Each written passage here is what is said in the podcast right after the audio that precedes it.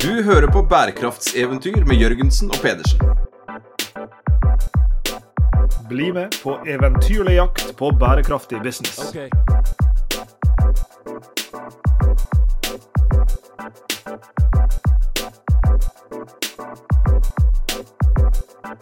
I denne episoden av Bærekraftseventyr Sveinung, så har jeg på følelsen at vi skal eh, dekke en del av, eh, av landskapet som, som, har med bærekraftig business å gjøre. Eh, fordi gjesten som vi har invitert i dag, har vært med lenge og har vært med på, på mye. Eh, I dag så er jo eh, Executive Vice President for strategi og kommunikasjon i Norfund. Eh, de som husker tilbake, husker hun kanskje som tidligere administrerende direktør i Sigla. I tillegg til det så er hun knytta til University of Cambridge sitt Institute for Sustainability Leadership og mye annet. Velkommen til Bærekraftseventyr, Ylva Lindberg. Tusen takk, Lars Jakob. Veldig kjekt å være her.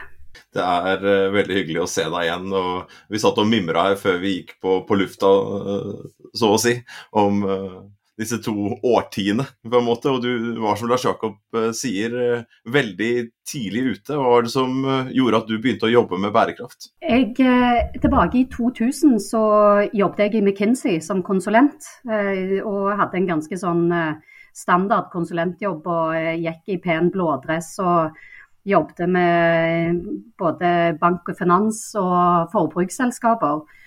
Eh, og så så jeg Da bodde jeg i Stockholm, eh, og så hadde jeg tilfeldigvis fått tak i Aftenposten. Fysisk på papir, selvfølgelig, for dette var jo da i 2000. Eh, og så sto det en annonse hvor KLP, som jeg aldri hadde hørt om, Kommunal landspensjonskasse, leide etter en aksjeanalytiker for etiske investeringer. Og da tenkte jeg at det her, det her, er jo en mulighet til ikke bare å jobbe med det som er liksom business og blådress og penger, men å gjøre noe som òg gir en litt større mening. Eh, så da sendte jeg inn en søknad eh, uten at jeg egentlig visste hva jeg gikk til. Og så førte det ene til det andre, og så endte jeg opp i Oslo og i KLP da i 2001. Eh, det er jo litt interessant ja, og Det er jo interessant Ylva, med begrepet etiske investeringer. her. Dette husker jeg selv fra Jeg har jo fortsatt i tittelen min faktisk 'business ethics', selv om jeg i ganske liten grad føler meg som en etiker i det daglige. Men, men det er jo en sånn interessant kall det historisk bagasje, akkurat det der for, for hele feltet med, med, med bærekraft og, og, også ESG. At, at det, det, liksom det, det, ble, det, kom inn seilende inn på en sånn etisk flåte. og sprang fra McKinsey til til uh, dette feltet ville kanskje føltes mindre i 2023 enn det gjorde i 2001. Hvor stort var, føltes det hoppet den gangen? Det tror jeg du har helt rett i. Altså, det ene er da at vi, vi begynte, og og, før 2000, altså, med at det handler om eh, etiske investeringer. Eh, så beveger man seg over i mer ansvarlige investeringer. Eh, og så eh, bærekraftige investeringer, eller ESG-investeringer. Så man har hatt en sånn bevegelse i feltet som jeg tror begrepene, altså fra etikk til bærekraft, eh, speiler nok òg at man har beveget seg fra at dette utelukkende handler om verdier. Altså Jeg ønsker at mine verdier eh, skal reflekteres i måten jeg investerer pengene mine på. Eh, til at man òg snakker om verdiskaping. At det handler òg om å være med å drive om det er bunnlinje eller avkastning. Så begrepsutviklingen fra etikk til bærekraft, eh, den speiles av Eh, de underliggende intensjonene, som har gått fra verdier og moral og etikk til da mer det forretningsmessige eller lønnsomhet. Um, og så, ja, du, du, har helt rett at det spranget var nok ganske radikalt på et vis. Og så var det òg et sprang litt inn i det ukjente. For jeg visste i alle fall ikke hva i all verden er det å kombinere etikk og kapitalforvaltning. um, så det føltes litt som å, hoppe inn i det ukjente. Hvis du tar et uh, sånn uh ja, spole raskt framover til i dag da, og, og, kikke på disse 20 årene og det som har skjedd nettopp da med, med tanke på, på etikk og, og, og, lønnsomhet og investeringer. Hvordan, hvordan, opplever du det nå? Nå er det jo eh, på ingen måte kontroversielt, eh, som, som, du er inne på egentlig. Sant? Nå er det en eh, selvfølge, så det handler ikke om skal man jobbe med etikk og bærekraftige investeringer eller i næringslivet, men det handler om på hvilken måte skal man gjøre det hva er riktig for denne bedriften, denne sektoren, denne strategien. Eh, så litt klisjéaktig kanskje, men at det har gått fra liksom hvorfor i all verden til skal vi, til på hva måte er det vi faktisk skal gjøre dette på en måte som funker for oss. Det tror jeg kanskje er den, den viktigste utviklingen, eller en av de, om du vil.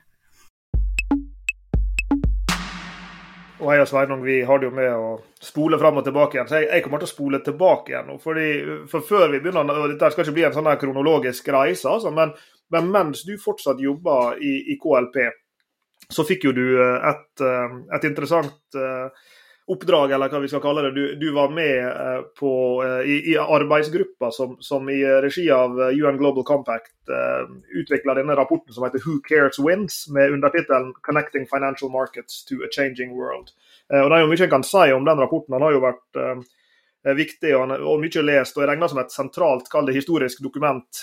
Hørtes ut som det var fryktelig lenge siden, det er jo ikke så, så lenge siden, men han blir jo bl.a. omtalt ofte som den rapporten som populariserte begrepet ESG. Eh, og, og, Du var jo inne på her at, at, at vi har hatt en slags sånn her begrepsreise fra at liksom det var vanlig å bruke sånne litt mer etisk lada termer rundt dette, her, til at, at bærekraftsbegrepet i, i, stor grad ble, eh, ble brukt mer sånn eh, front and center. Jeg, tenker på, på Sigla, som, som, du jo senere leda i veldig mange år var jo veldig sentrale i å sette liksom, bærekraftsbegrepet på, liksom, inn i dagligtalen til, eh, til næringslivet. Eh, men dette ESG-begrepet som, som, dere da var, var med på å, å, massere og popularisere i denne rapporten, eh, kan du gi et lite innblikk inn i Dette blir et veldig bredt og generelt spørsmål, men kanskje gi et lite innblikk inn i det som, som skjedde i, i, forbindelse med denne rapporten 'Who Cares Wins' den gangen. og hva, Hvilke typer diskusjoner det var som gikk, og, ja, og hvordan dere pusha den agendaen der fremover. Må jeg ærlig innrømme at det er ikke alt jeg husker fra den tida. Det sier vel kanskje litt om hvor lenge det er siden. Eh, men en av de tingene som jeg husker, det var jo diskusjonen rundt eh, hva var det som skulle inn i dette begrepet. Og så var det òg en diskusjon rundt eh, rekkefølge. Um, og en av uh, tingene som han snakket om, det var burde ikke G-en komme først? Fordi det er G-en som på et vis legger grunnlaget for E-en og S-en. Måten du styrer ting og de systemene du har, det er forutsetninger for at du òg skal lykkes med E-en og S-en. Um, men så, hvis jeg husker riktig, så endte det opp med at det ville blitt feil, for da var man redd for at det skulle reduseres til å primært handle om styringssystemer, og at de andre tingene skulle komme litt sånn, eh, litt sånn ja, skjult, da, eller at de ikke skulle få nok oppmerksomhet. Um, så det var vel noe av den diskusjonen som var. Og så tror jeg vel man har fått uh, denne berømte alfabetsuppa etter hvert òg. At man har snakket om ESG, og så omtrent på samme tid, eller kanskje litt før, så kom jo John Elkington med sin uh, triple bottom line, sånn, TBL. Eh, så, og jeg tror vel at vi som jobber med dette feltet, har litt oss sjøl å takke fordi vi har brukt såpass mange begreper og forkortelser eh, at det har nesten blitt litt sånn fremmedgjort for folk som ikke er inne i det. Um, og det tror jeg har vært litt uheldig. Jeg tror at det er i ferd med å endre seg litt nå, men det er fremdeles veldig mye av det. altså. Lars Jakob spør deg her om, om opprinnelsen, og vi, vi har blitt uh, bedt av, av lyttere om å, å, forsøke å rydde opp litt rundt uh, begrepene. Og, og, et av de begrepene som, som går igjen i, på den listen, ønskelisten til folk, er jo ESG. da. Uh, og, og, som du sier, liksom en, en diskusjon da på begynnelsen av 2000-tallet rekkefølgen her, hva er det vi skal vektlegge? til i dag hvor, hvor jeg og Lars Jakob opplevde at det har blitt veldig stramt. Eh, Bob Eccles, eh, nestor her, har gått ut og liksom sagt at dette er ESG, er reinspikka eh, finans. Eh, jo da, knytta til risikoer. Uh, igjen knyttet da til, til miljø uh, og, og, samfunn og økonomi. men det er reinspikka finans, og han sier liksom at høyresiden er altså sånn far right, altså sånn, kall det sånn stråmann da, med en, en republikansk right, uh, er for engstelig for det. Uh, og en, en, en, grønn venstreside på en måte vil være for optimistiske og tro at det skal komme for mye godt ut av det. Uh, og begge sider har egentlig tar feil, for dette her er og blir finans, men da knytta til disse, disse, momentene bedriftene her. Men så ser vi at det er veldig ulik bruk av det i ulike steder. Noen, noen snakker om ESG som om det var bærekraft. Eh, noen bruker det bare som du gjorde nå, ikke, altså, ikke putte de ordene i munnen på deg, men sånn Jo, dette her er jo den tredelte bunnlinja. Her er people, profit og, og planet. ikke sant? Og dette her må inkorporeres i, i, bedriftene og i måten vi tenker business på. Eh, og noen vil også tenke, tenke å ha litt sånn, litt sånn, etisk krydder oppi det hele. Og knytte det til ansvaret til bedriften som strekker seg langt utover lønnsomheten. ikke sant? Så, så vi er litt sånn usikre om dagen på hvem er det som egentlig har rett her. Også som du sier, denne alfabetsuppen hvor det ene begrepet tar det andre. Eh, jeg må si at jeg har det bildet innimellom av han, eh, han Fleksnes som sitter nede i kjelleren sin og endelig har funnet seg Han sitter på sånn amatørradio, og så endelig har han funnet seg et skip i havsnød. Han kan ikke hjelpe det der skipet i, i, det hele tatt, men han sier alle 'ligg unna min mayday', ligg unna min mayday, for her er liksom dette, dette er i hvert fall noe som er mitt. da. Eh, og, og, litt sånn opplever jeg det her også rundt i, i bærekraftsfeltet, da, sånn, sånn med brei paraply. At, at, at ulike grupperinger finner sine begreper og sine forståelser eh, av det, og så blir det på en måte 'min mayday', eh, ligg unna. Eh, fordi selv om ikke jeg kan gjøre noe med problemet, så er i hvert fall dette her noe jeg eier. Men jeg, jeg syns det er en uh, god beskrivelse, Sveinung, og jeg tror at det er noe av problemet. Ikke sant? For i at vi både henger oss opp i alle disse ulike begrepene og kanskje òg er litt sånn territorielle, eh, så glemmer vi det som er det viktigste, og det er hva, hva skal vi faktisk gjøre. Sant? Hvordan er det disse forretningsmodellene bør se ut for at de skal være lønnsomme og levedyktige, men òg eh, bidra til at vi løser noen av de store miljø- og samfunnsutfordringene. Eh, og jeg tror en annen ting som, og dette har vært litt min kjepphest ganske lenge, at jeg syns vi driver altfor mye med kommunikasjon og rapportering. Eh, og det er fordi at det er lett og håndfast eh, på en måte. Sant? For der har du en rapport, og så har du en rangering, og så har du eh, en um, case-studie som du kan vise til. Eh, så det blir veldig håndfast, og det er ofte òg etterspurt. Fortell mer, vær transparent, rapporter mer. Eh, men vi har jo ganske begrensa ressurser òg, så jo mer vi legger på rapportering og kommunikasjon og omdømme, desto mindre dessverre tid og krefter tror jeg vi får på å faktisk gjøre en forskjell. da. Eh, så det syns jeg òg er en risiko.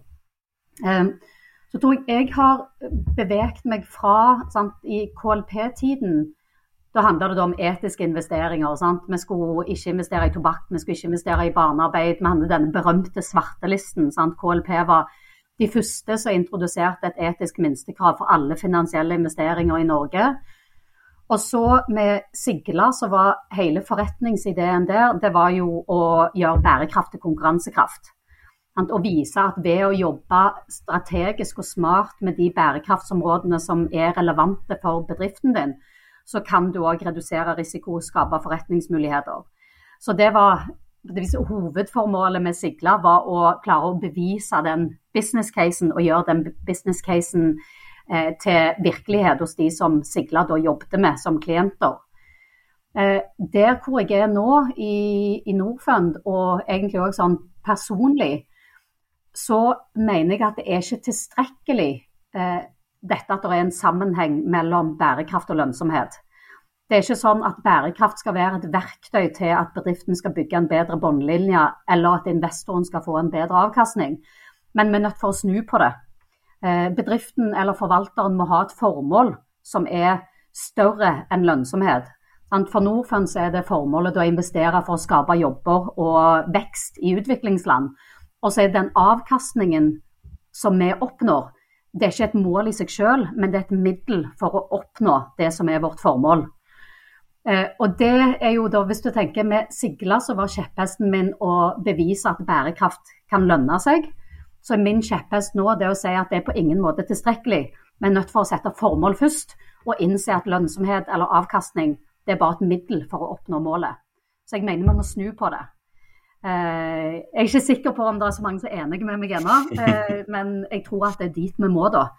Eh, for vi har ikke råd til bare å se på bærekraft som et middel. Det er nødt for å være det som er målet.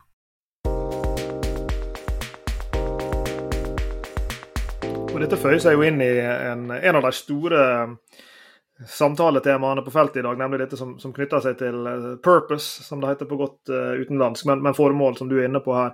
Og, og i Norfund så er dere jo uh, nær sagt i en uh, i, i, en veldig sånn tydelig uh, dobbel posisjon der at dere har, dere har, et veldig tydelig formål og, og en, uh, ja, som vi skal komme til. og, og det, det, gleder jeg meg til å grave oss dypere ned i.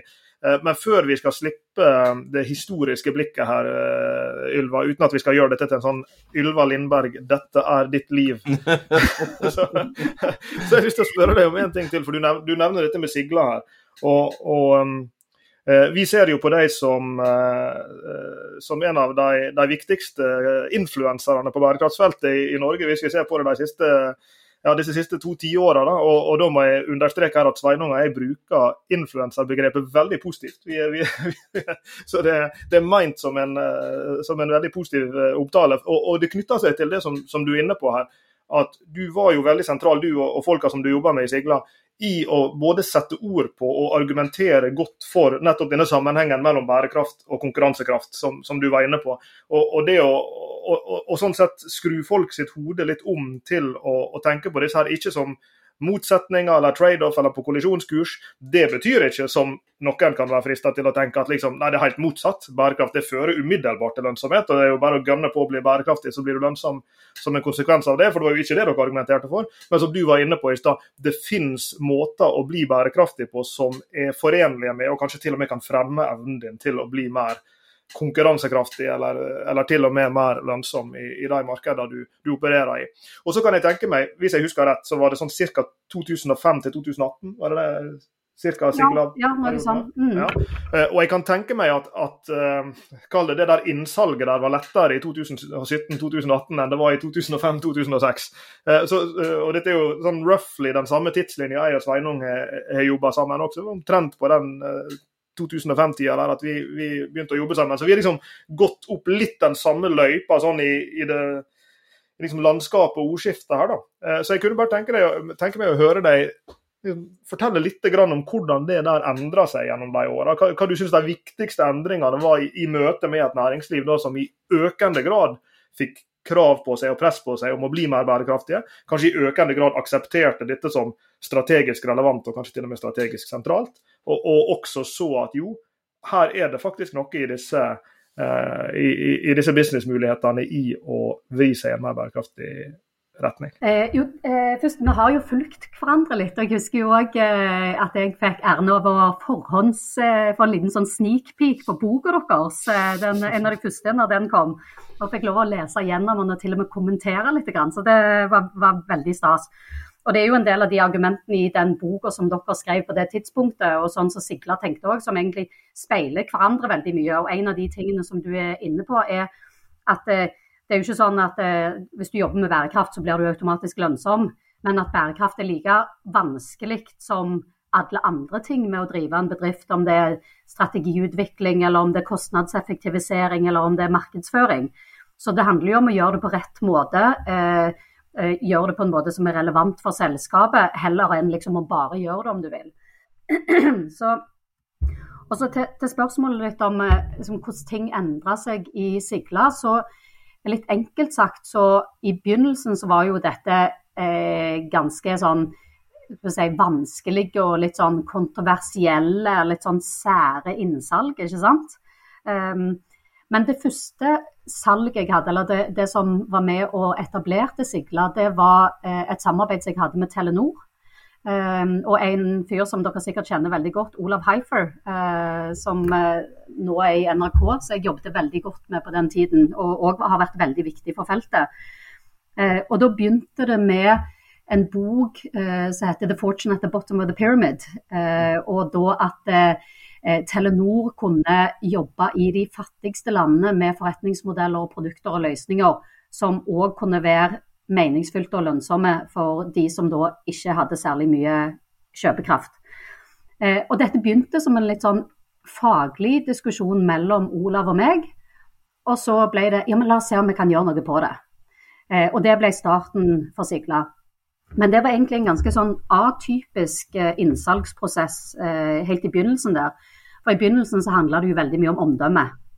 Sant? At eh, særlig de store eh, selskapene ikke minst de med litt statlig eierskap, måtte gjøre et eller annet på dette. Eh, så innsalget handler mer om man må gjøre noe. Det er viktig for omdømmet.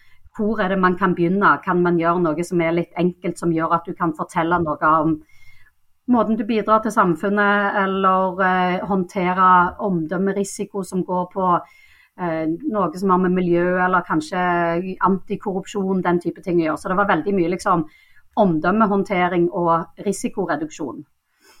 Eh, og så bevegde det seg jo gradvis mer inn i typisk da risiko. Eh, som, som, var kjernen i det hele. At det, er nedside hvis man ikke gjør noe på dette. Men at det var ikke da lenger bare omdømme, men det handla mer fundamentalt om risiko òg. Eh, og så som du er inne på, Lars Jakob, i 2017-2018 så hadde det blitt mer forretningsmuligheter. Sant? Og var dette på styrets bord i mange av de selskapene vi jobbet med. Um, og da handla det om hvordan vi kan gjøre dette til noe som også gir oss et konkurransefortrinn. Um, og så fulgte vi jo noen selskaper på den reisen. Um, et private equity-fond som vi jobbet med over mange år. Da begynte det med eh, Shit, LP-ene våre de krever at vi skal gjøre noe på disse tingene. Hvordan skal vi klare å imøtekomme de forventningene? Til at eh, man da sier men det er jo òg et behov for å bygge kompetanse i partnergruppen og i organisasjonen på hva dette betyr for oss. Eh, til hvordan kan vi klare å rapportere hva vi faktisk gjør. Og så den siste fasen som handler om hvordan er det vi faktisk skal være en god eier og gjøre våre porteføljeselskaper i stand til å bli mer robuste, mer lønnsomme og mer salgbare til syvende og sist, som følge av måten de jobber med bærekraft. Så den reisen med dette PE-fondet det representerer egentlig òg utviklingen da fra ca. 2005 til, til 2018-2019. Eh, fra da det er noen som forventer dette av oss, hva skal vi gjøre? Eh, til vi trenger en del kompetanse på dette, til OK, vi må håndtere risiko, vi må rapportere litt, og så til dette med forretningsmuligheter og forretningsmodell. Du, du skisserer jo et, et, løp her som vi kjenner igjen, og, og, samtidig så sa du innledningsvis at til tross for dette, da, at uh, denne forretningsmulighetssiden har, har, duket opp og blitt uh, sterkere, så, så, blir det mye rapportering. Og, og, og man, skal velge, man, skal velge, hva man skal bruke ressurser på. Uh, og, og, fremdeles så opplever du at det er mye Det går mye til rapportering, er det riktig? Ja, jeg, jeg syns det, altså. Uh, og rapportering er jo bra, men eh, det går ikke an å rapportere på alt. Og det går heller ikke an å måle alt.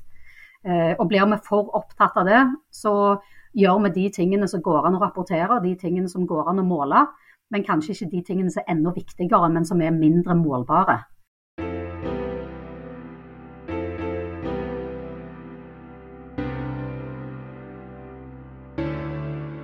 Vi driver og skriver på en artikkel nå, Lars Jakob og jeg.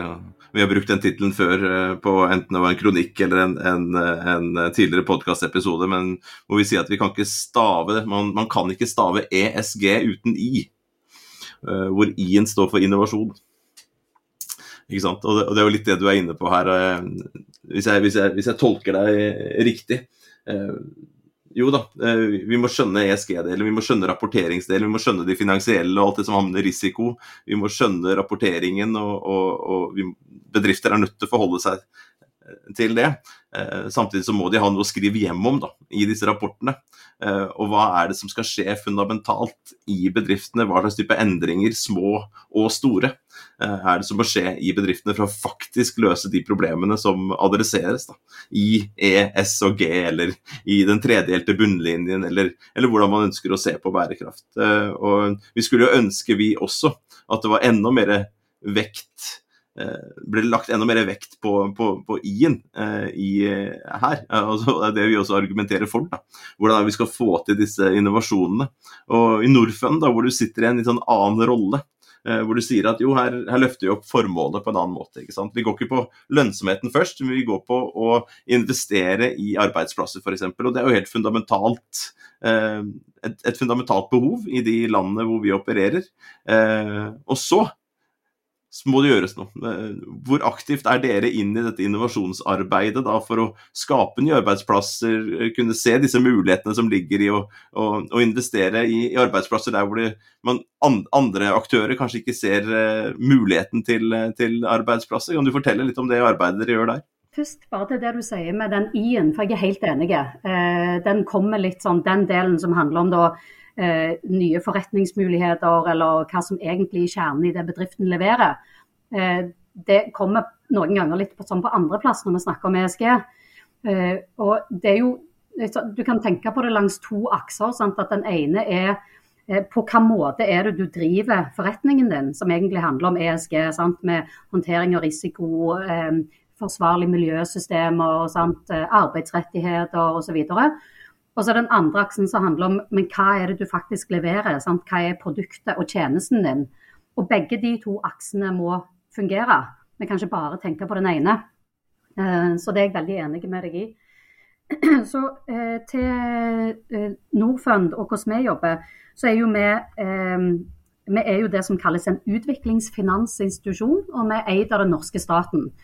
Eh, og vi er en del av norsk bistand. Eh, så det betyr jo da at vi har fattigdomsbekjempelse og utvikling som overordna formål, eh, fordi vi er en del av norsk bistand.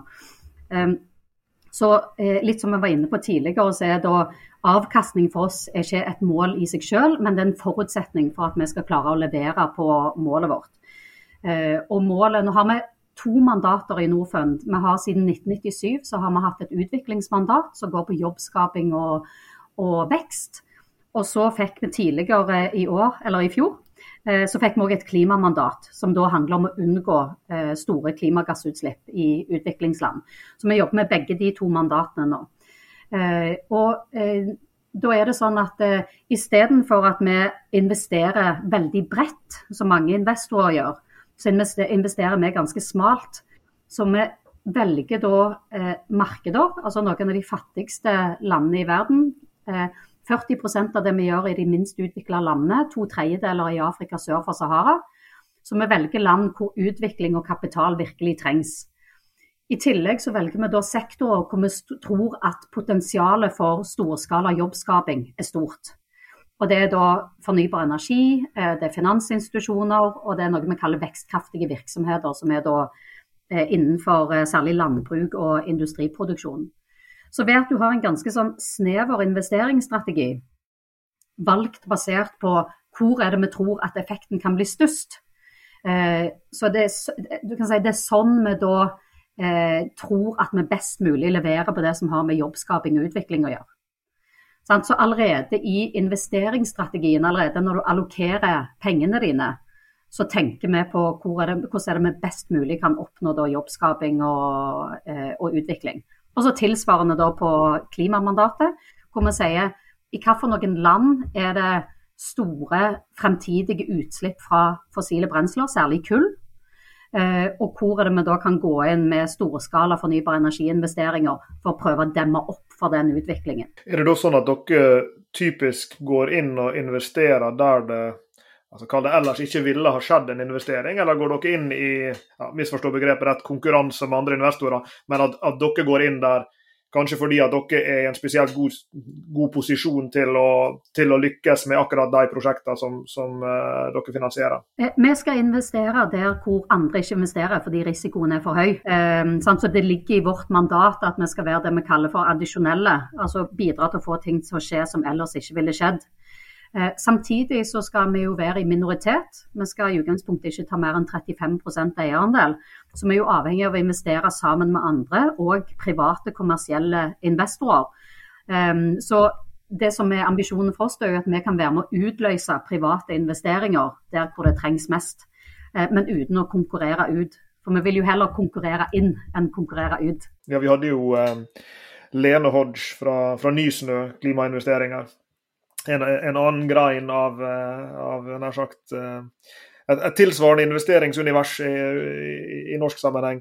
Eh, og Hun var jo opptatt av at de hadde en slik funksjon at de ble en slags bjellesau. Altså at En av funksjonene de hadde var at de dro med seg andre investeringsmiljø og andre typer investorer. Har, har Norfund en, en lignende type rolle? at at det sagt er eh, som et slags signal til andre investorer når dere kommer på banen, at, at dere får, får, andre med på laget? Vi har ikke som en del av vårt mandat at vi skal få inn andre investorer. Det er ikke eksplisitt. Men samtidig, i og med at vi alltid skal være i minoritet, så blir jo det en slags forutsetning, da. Og vi vet jo at finansieringsgapet finansieringsskapet for å nå bærekraftsmålene, særlig i utviklingsland, er jo helt formidabelt. Og det finansieringsskapet kommer ikke til å bli lukka med offentlig kapital. Så vi trenger da å kunne mobilisere privat kapital for å være i nærheten av å lukke det finansieringsgapet. Um, vi har jo noen veldig gode samarbeid med private investorer. Eh, KLP er kanskje den viktigste samarbeidspartneren vi har her i Norge. Og, og Da har vi et felleseid selskap eh, hvor da KLP kan investere sammen med oss i fornybar energiprosjekter. Um, og De gikk bl.a. nå inn med oss sammen i en ny investering som vi gjorde i India, Renew.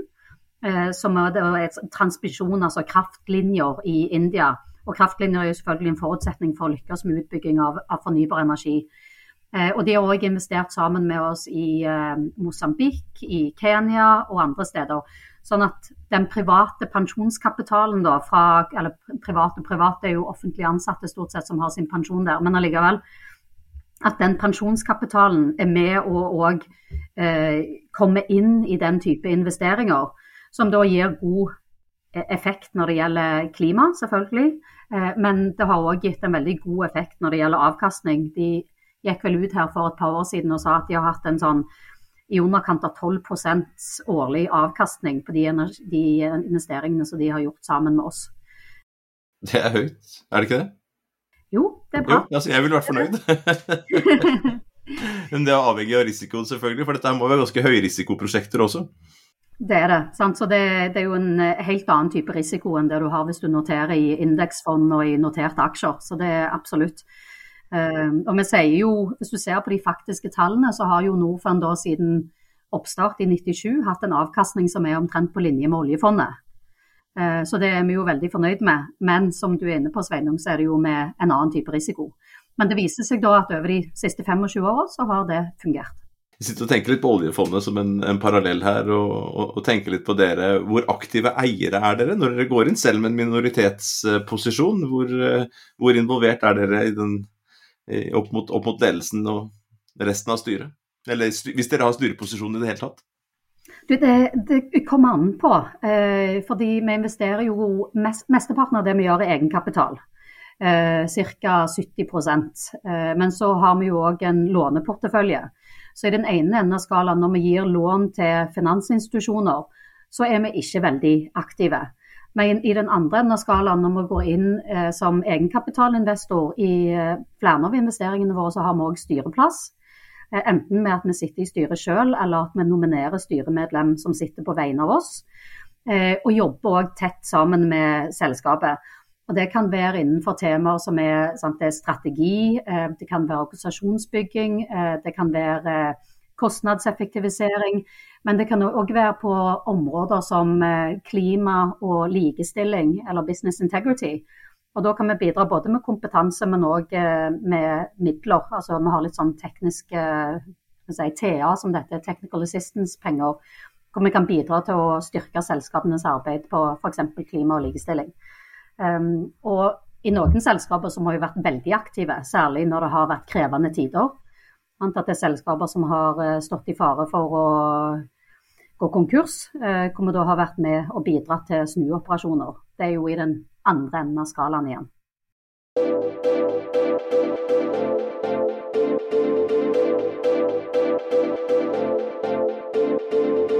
Dere snakker om um ja, risk reward, risiko og avkastning, de, de, henger sammen. Så tenker jeg litt på risiko og impact. Når jeg, når jeg leser artikkelen som dere publiserte på nettsiden deres for noen dager siden om dette nye eh, eh, prosjektet sammen med, med KLP på, på, kraftlinje i India, så får en jo også inntrykk av at, eh, at dette er jo et prosjekt som, som, hvis det lykkes, virkelig kan ha en, en, stor impact. Fordi at det nettopp handler om i et land med, med så veldig mange mennesker og, og, og så stort behov for, for uh, fornybar energi, kan, eh, at dette virkelig kan, ha, kan være en, en stor, altså, har stor impact på, på den viktige utviklinga som, som, som, det dreier seg om. Og Da lurer jeg jo litt på denne impacten, for du var inne på det i stad, Ylva, når du sa det at, at impacten skal jo helst komme først her, og, og avkastninga en funksjon av den. Og kan, kan ikke du fortelle litt om i, i, prosjekt som dere har gående, eller for den del historiske prosjekt, noen eksempel på hva dere har lykkes med? For nå har du fortalt oss at dere lykkes finansielt, på linje med oljefondet. Men kan ikke du fortelle litt om hva er, hva er impact-utfallene som, uh, som Norfund kan, kan, vifte med for å vise at dere gjør en forskjell i verden på, på klima og på andre ting? Vi måler jo dette på porteføljenivå hvert år.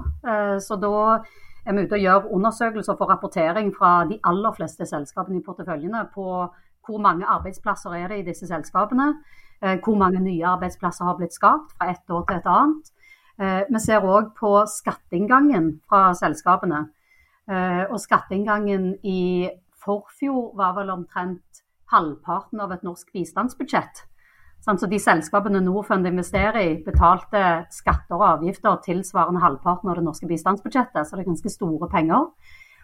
Og så måler vi òg hvor mange mennesker som får tilgang til energi. Og vi måler òg unngåtte klimagassutslipp. Og det er da Så det er jo de effektene som Eh, og det varierer litt. Noen effekter er jo for alle selskapene, f.eks. jobbskaping. Mens dette med unngåtte klimagassutslipp det handler jo da om selskaper som er innenfor eh, energisektoren. Um, og Et par eksempler kanskje som jeg kan gi. Altså det ene er eh, Lake Turkana, som eh, var da det sørlige Afrikas største eh, vindpark da den ble bygd. Eh, hvor vi gikk inn i tidlig fase eh, og var med og, i hele byggefasen sammen med KLP òg. Eh, det er en investering som vi nå har solgt oss ut av med god fortjeneste. Det som skjedde der, det var jo da at flere oljefyrte kraftverk i Kenya ble lagt ned som følge av at man da fikk denne store vindenergikapasiteten i landet. Eh, så det er jo en veldig fin utviklingseffekt eh, av noe sånt, i tillegg til da, tilgangen til energi, som selvfølgelig er avgjørende. Eh, et annet eksempel er en investering som vi har i Malawi som heter Lilongwe Dairy. Så er det et meieri, familieeid bedrift, hvor vi har gitt et lån. Vært inne i det siden 2020, tror jeg. Og dette meieriet har da en rekke småbønder knytta til seg. Sånn, så når de kjøper melk, så kjøper de da melk fra bønder som kanskje har én eller to kyr. Um, og bidrar da både med at de får en stabil inntekt, men òg med kompetansebygging, sånn at kvaliteten på melken skal bli bedre. Uh, som òg gått inn med ekstra støttemidler, sånn at særlig da kvinner uh, skal kunne få denne type støtte. Um, og da kunne utvide fra ikke bare å ha én eller to kyr, men til å ha flere òg, sånn at det kan bidra til å øke inntektene deres. Og nå er det ca. 10 000 småbønder som da er tilknyttet dette meieriet. Så En viktig utviklingseffekt av at vi gir et lån til et meieri i Malawi, er at 10 000 bønder har muligheten til å selge melken sin eh, på en forutsigbar måte, og til en god inntekt. Har dere standardiserte måter å finne disse investeringsobjektene, eller er dere nødt til å, å jobbe liksom ned på bakken eh, fra prosjekt til prosjekt til prosjekt for å, for å, for å finne ut? For hvordan er det dere jobber med å, med å finne disse investeringsprosjektene? Helt, klart det siste. Eh, det er, noe, det er ingen sånn uh, fine databaser hvor vi kan gå inn og, og, klikke oss fram til gode investeringsmuligheter. Og En forutsetning for at vi lykkes med å finne disse mulighetene, er folka på bakken. Uh, Norfund har fem regionkontorer. Uh, tre i Afrika, ett i Latin-Amerika og ett i Asia. Og dette er da lokale folk som både leder og jobber på kontorene Eh, som er vanvittig flinke, eh, kan markedene sine, kan de sektorene som vi jobber i. Og de jobber jo da kontinuerlig gjennom sine kontakter og samarbeidspartnere eh, for å da identifisere gode investeringsmuligheter. Så det å ha flinke, erfarne folk på bakken er en forutsetning for at vi skal klare å få til dette. Jeg har et, et, et, spørsmål til. for du, du, sier at det er en del av norsk bistand. Men hvordan reagerer liksom, bistandverden eh, når dere er ute med et så klart eh, investeringsmandat? Helt annerledes nå enn det man gjorde for eh, 15-20 år siden. Um, og det eh, henger jo sammen med at næringslivets rolle som en si, positiv kraft for utvikling det var jo uh, uhørt og kontroversielt og uh, høyrevridd for uh, eh, 15 år siden. sant? mens nå er egentlig det ganske akseptert. Sant? Vi vet at vi kommer ikke til å klare å løse klimautfordringen eller fattigdomsutfordringen uten at næringslivet er aktiv. Så det oppleves på en helt annen måte nå, og mer som en, si, en naturlig del av økosystemet for å lykkes med, med bistandsagendaen. Eh, enn det det var tidligere. Eh, men det er fremdeles sånn at det, det, er ikke alle som er enige i at privatsektorinvesteringer bør være en del av bistanden. Eh, så det er, ikke, det er ikke full enighet om at dette er klokt. Men det er i alle fall helt annerledes enn det det var for si, 15 år siden. For dere har jo et ganske stort budsjett når dere kan investere, hvis jeg, hvis jeg skjønner riktig, investerte 5,3 milliarder kroner i, i 2021, men, men hvorfor er det ikke 50 milliarder? Det er helt riktig, vi investerte 5,3 milliarder. Vi satte ny rekord i fjor. De tallene er ikke helt klare ennå, men det blir uh, vesentlig større. Um, og Da er det viktig å se på hva var det vi da fikk i overføringer uh, fra staten. Hva var det vi fikk av bistandsbudsjettet? Og I 2021 så fikk vi 1,7 milliarder over bistandsbudsjettet. Men som du sier, så investerte vi 5,3. Og det er mulig fordi vi resirkulerer kapital. Sant? At når vi investerer penge, pengene i en bedrift, så skal vi bare være investert så lenge vi trengs. Når vi ikke lenger trengs, så skal vi selge oss ut. Andre overtar, og så reinvesterer vi pengene. Og Sånn sett blir da pengene brukt flere ganger. og Det gjør at 1,7 kan bli til 5,3, da, hvis vi tar 2021 som, eh, som eksempel. Um, men det er klart at behovet der ute er jo enormt. Uh, så vi kan absolutt sette mer penger i arbeid. Og Det er jo òg en av grunnene til at vi fikk da, dette klimainvesteringsfondet i fjor. Eh, som uh, da skal oppkapitaliseres med 10 milliarder i løpet av neste ja, i løpet av fem år. så i løpet av de neste fire. Eh, men behovet er vi, vi, er jo veldig, veldig små hvis du sammenligner med det behovet som er der ute. Det høres ut som, noe, som litt sånn herlig rock'n'roll, dette her. Unnskyld uh, uttrykket i, i, i, møte med det som er, er store, alvorlige problem som dere prøver å være med på, på å løse der ute. Men, men jeg tenker denne tilnærminga hvor en skal, en skal, ned på bakken, en skal finne disse prosjektene, liksom den litt sånn entreprenørielle delen av det, nesten finne disse gode prosjektene, og, og kombinert med dette som vi var inne på i stad, at jo, her er nok en høyere risiko her, men så kan også impacten bli så stor. Og da er det så prøver å driste meg til å stille et spørsmål der kikke under panseret litt. Hva er liksom prosjekt hvor ah, kanskje har risikoen vært vurdert som litt for høy, eller dette er litt for usikkert, vi er ikke sikre på om vi får det til, men vi har fryktelig lyst til å få det til. Er det liksom noen sånne ting dere drømmer om i Nordfjorden, hvor dere, dere, ser at her hadde det vært en mulighet til å gå inn, men vi vet ikke helt om vi, vi får det til ennå. Hva er liksom the next frontier, på et vis? Godt spørsmål. Eh, noe som vi jobber med akkurat nå, er å styrke det vi gjør på sårbare stater. Eh, og Sårbare stater, det er jo mange ulike definisjoner på det, men for oss så er det land som Sør-Sudan, Somalia, eh, Mali, Niger, Tsjad. Eh, den type land. Altså, hvor det da er eller har vært krig og konflikt, og hvor det er utrolig, utrolig vanskelig. Um, vi er til stede i noen av de allerede i dag. Vi har investert i uh, et investeringsselskap i Sør-Sudan. Uh, og vi har uh, investert i et fond i Somalia, Somaliland. og det var jo Du kan si på en måte så er det enkle beslutninger fordi det er veldig i tråd med mandatet vårt. Men samtidig så er det jo på ingen måte gitt at dette er penger som vi kan få tilbake igjen og resirkulere. Og det er jo òg en forutsetning. Ehm, så eh, jeg tror og håper at vi skal kunne gjøre mer investeringer i de neste par åra i det som vi, kan kalle for sårbare stater. Eh, fordi der trenger man privatsektorinvesteringer, men det er ingen eh, vanlige investorer som er villige til å sette pengene sine der. Så der har du den avveiningen. Du ser at behovet er enormt, men det er fryktelig vanskelig å finne investerbare selskaper. Et annet eksempel jo, altså vi sier jo nei til ting òg. Ehm, og ofte så kan det handle om ESG, hvis vi går tilbake igjen til der vi begynte. ikke sant? At det eh, en investering eller flere investeringer som vi har sagt nei til, har f.eks. med biologisk mangfold å gjøre.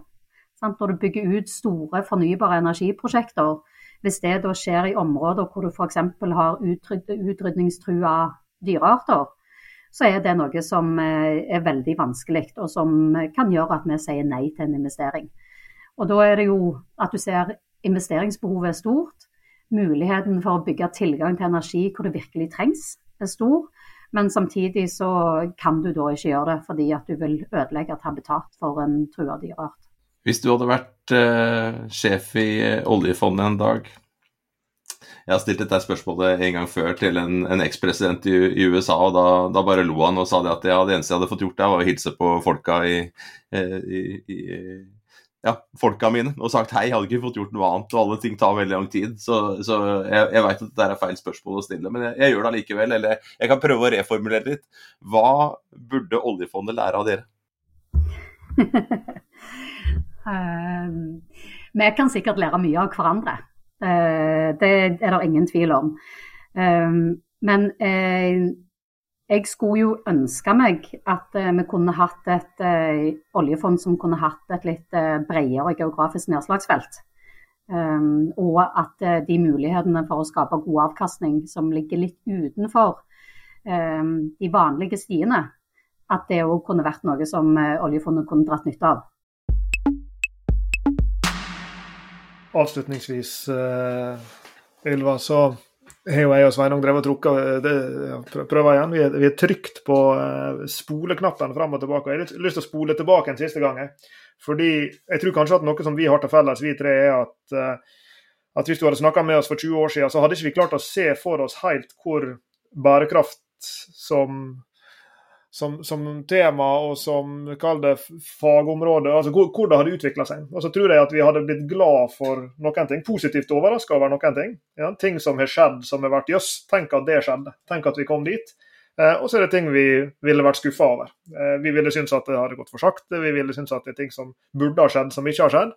Og hvis vi hadde flydd tilbake igjen da, til Ylva i, i omtrent eh, Enten du vil ta KLP-entreen din i 2001 eller, eller Sigla-oppstarten i 2005, eh, og spurt liksom ja, Her er det som har skjedd i 2023. Hvilke ting er det som ikke har skjedd, som du aller mest skulle ønske deg hadde skjedd? Altså, Hva er tinga vi ikke har fått til, de viktigste tinga vi ikke har fått til, og som eh, ja, hvem vet, kanskje fortsatt kan få til? Jeg tror for det første så eh, er det litt som du er inne på, altså mye som har skjedd som jeg ikke trodde skulle skje. Altså, at vi skulle hatt en sjef for oljefondet som snakker om bærekraftige investeringer, sånn som han gjør.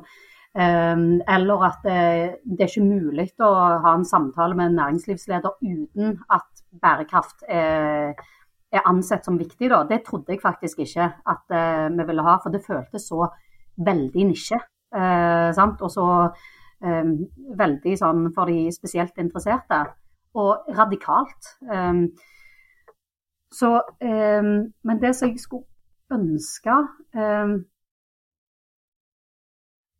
Det skulle vært at det, det handla mindre om uh, om hvordan ting oppfattes, og mer om det som faktisk skjer. Uh, jeg er litt som du spurte om Sveinung tidligere, jeg er fremdeles bekymra for at Eh, at vi i frykt for at vi skal oppfattes og ikke gjøre de rette tingene, eh, så legger vi ikke nok krutt på å få til den endringen som trengs. Jeg liker å avslutte sånne samtaler med bekymring, altså. Gjør du? Jo, jo, men det er energi i bekymring. Det, er, eh, det var energi den gang da. Altså på noe nytt, det var nisje, vi har vært innom eh, FN og satt der og diskutert ESG eller GSE, og hvordan skal dette utvikle seg. Og så har vi sett ting som har overrasket oss, og som du også setter ord på her. Og så står vi nå da i, i 2023, eh, og det, det, koker i Europa. Det er januar, og folk koser seg i T-skjorte i, i, i, Polen. Og man, man, lurer fælt på hvordan man skal få gjennomført disse worldcup-variantene på ski nedover i Europa. ikke sant? Samtidig så har vi krig, og samtidig så har vi energiutfordringer. og Det er liksom sånn, det er, det er jo nok av problemer for, for alle, alle her som har lyst til å engasjere seg i noe. Så den der bekymringen Eh, per i dag. Det var jo en bekymring som satte i gang en eller annen gang. Og det er en bekymring som fremdeles er der i dag, og som, og som er nødt til å prege diskusjonen framover, og nødt til å prege arbeidet vårt framover. Og så, så, peker du på en viktig ting her, da, her, eh, det fundamentale. ikke sant? Én ting er utad, omdømmedelen fremdeles, som var veldig viktig da, og som fremdeles er viktig. Eh, men hvordan få til de faktiske endringene i, i, i virksomheten. Så, så jeg, jeg, stemmer for at vi, at vi, setter på en måte strek for dagens samtale der. Med den derre eh, både historie, historiegjennomgangen, men også da den, eh, den lille bekymringa eh, på, på, slutten. Og så tusen takk, Ylva, for, eh, for, at du ville bli med oss på, på bærekraftseventyr. Kan, kan jeg bare få si én ting sånn avslutningsvis? og det er um det som vi har sett i løpet av høsten i fjor, som er en sånn slags ESG backlash, som dere sikkert har fulgt med på, Eh, og jeg tror du var inne på det, Lars Jakob, med republikanerne i USA. Sant? hvor vi har Altså, Vi har nå tosifra antall delstater i USA med lovgivning mot ESG og klima. Fordi man anser det som å være politisk motivert, eh, bl.a. Og så har jeg tenkt på, sant, Er det en bekymring, eh, litt som du er inne på Sveinung, er det noe som vi skal tenke sånn, ja, men en sånn backlash, og nå kommer dette her til å eh, sånn, få en nedgang igjen? At vi kommer til å få mindre oppmerksomhet på ESG?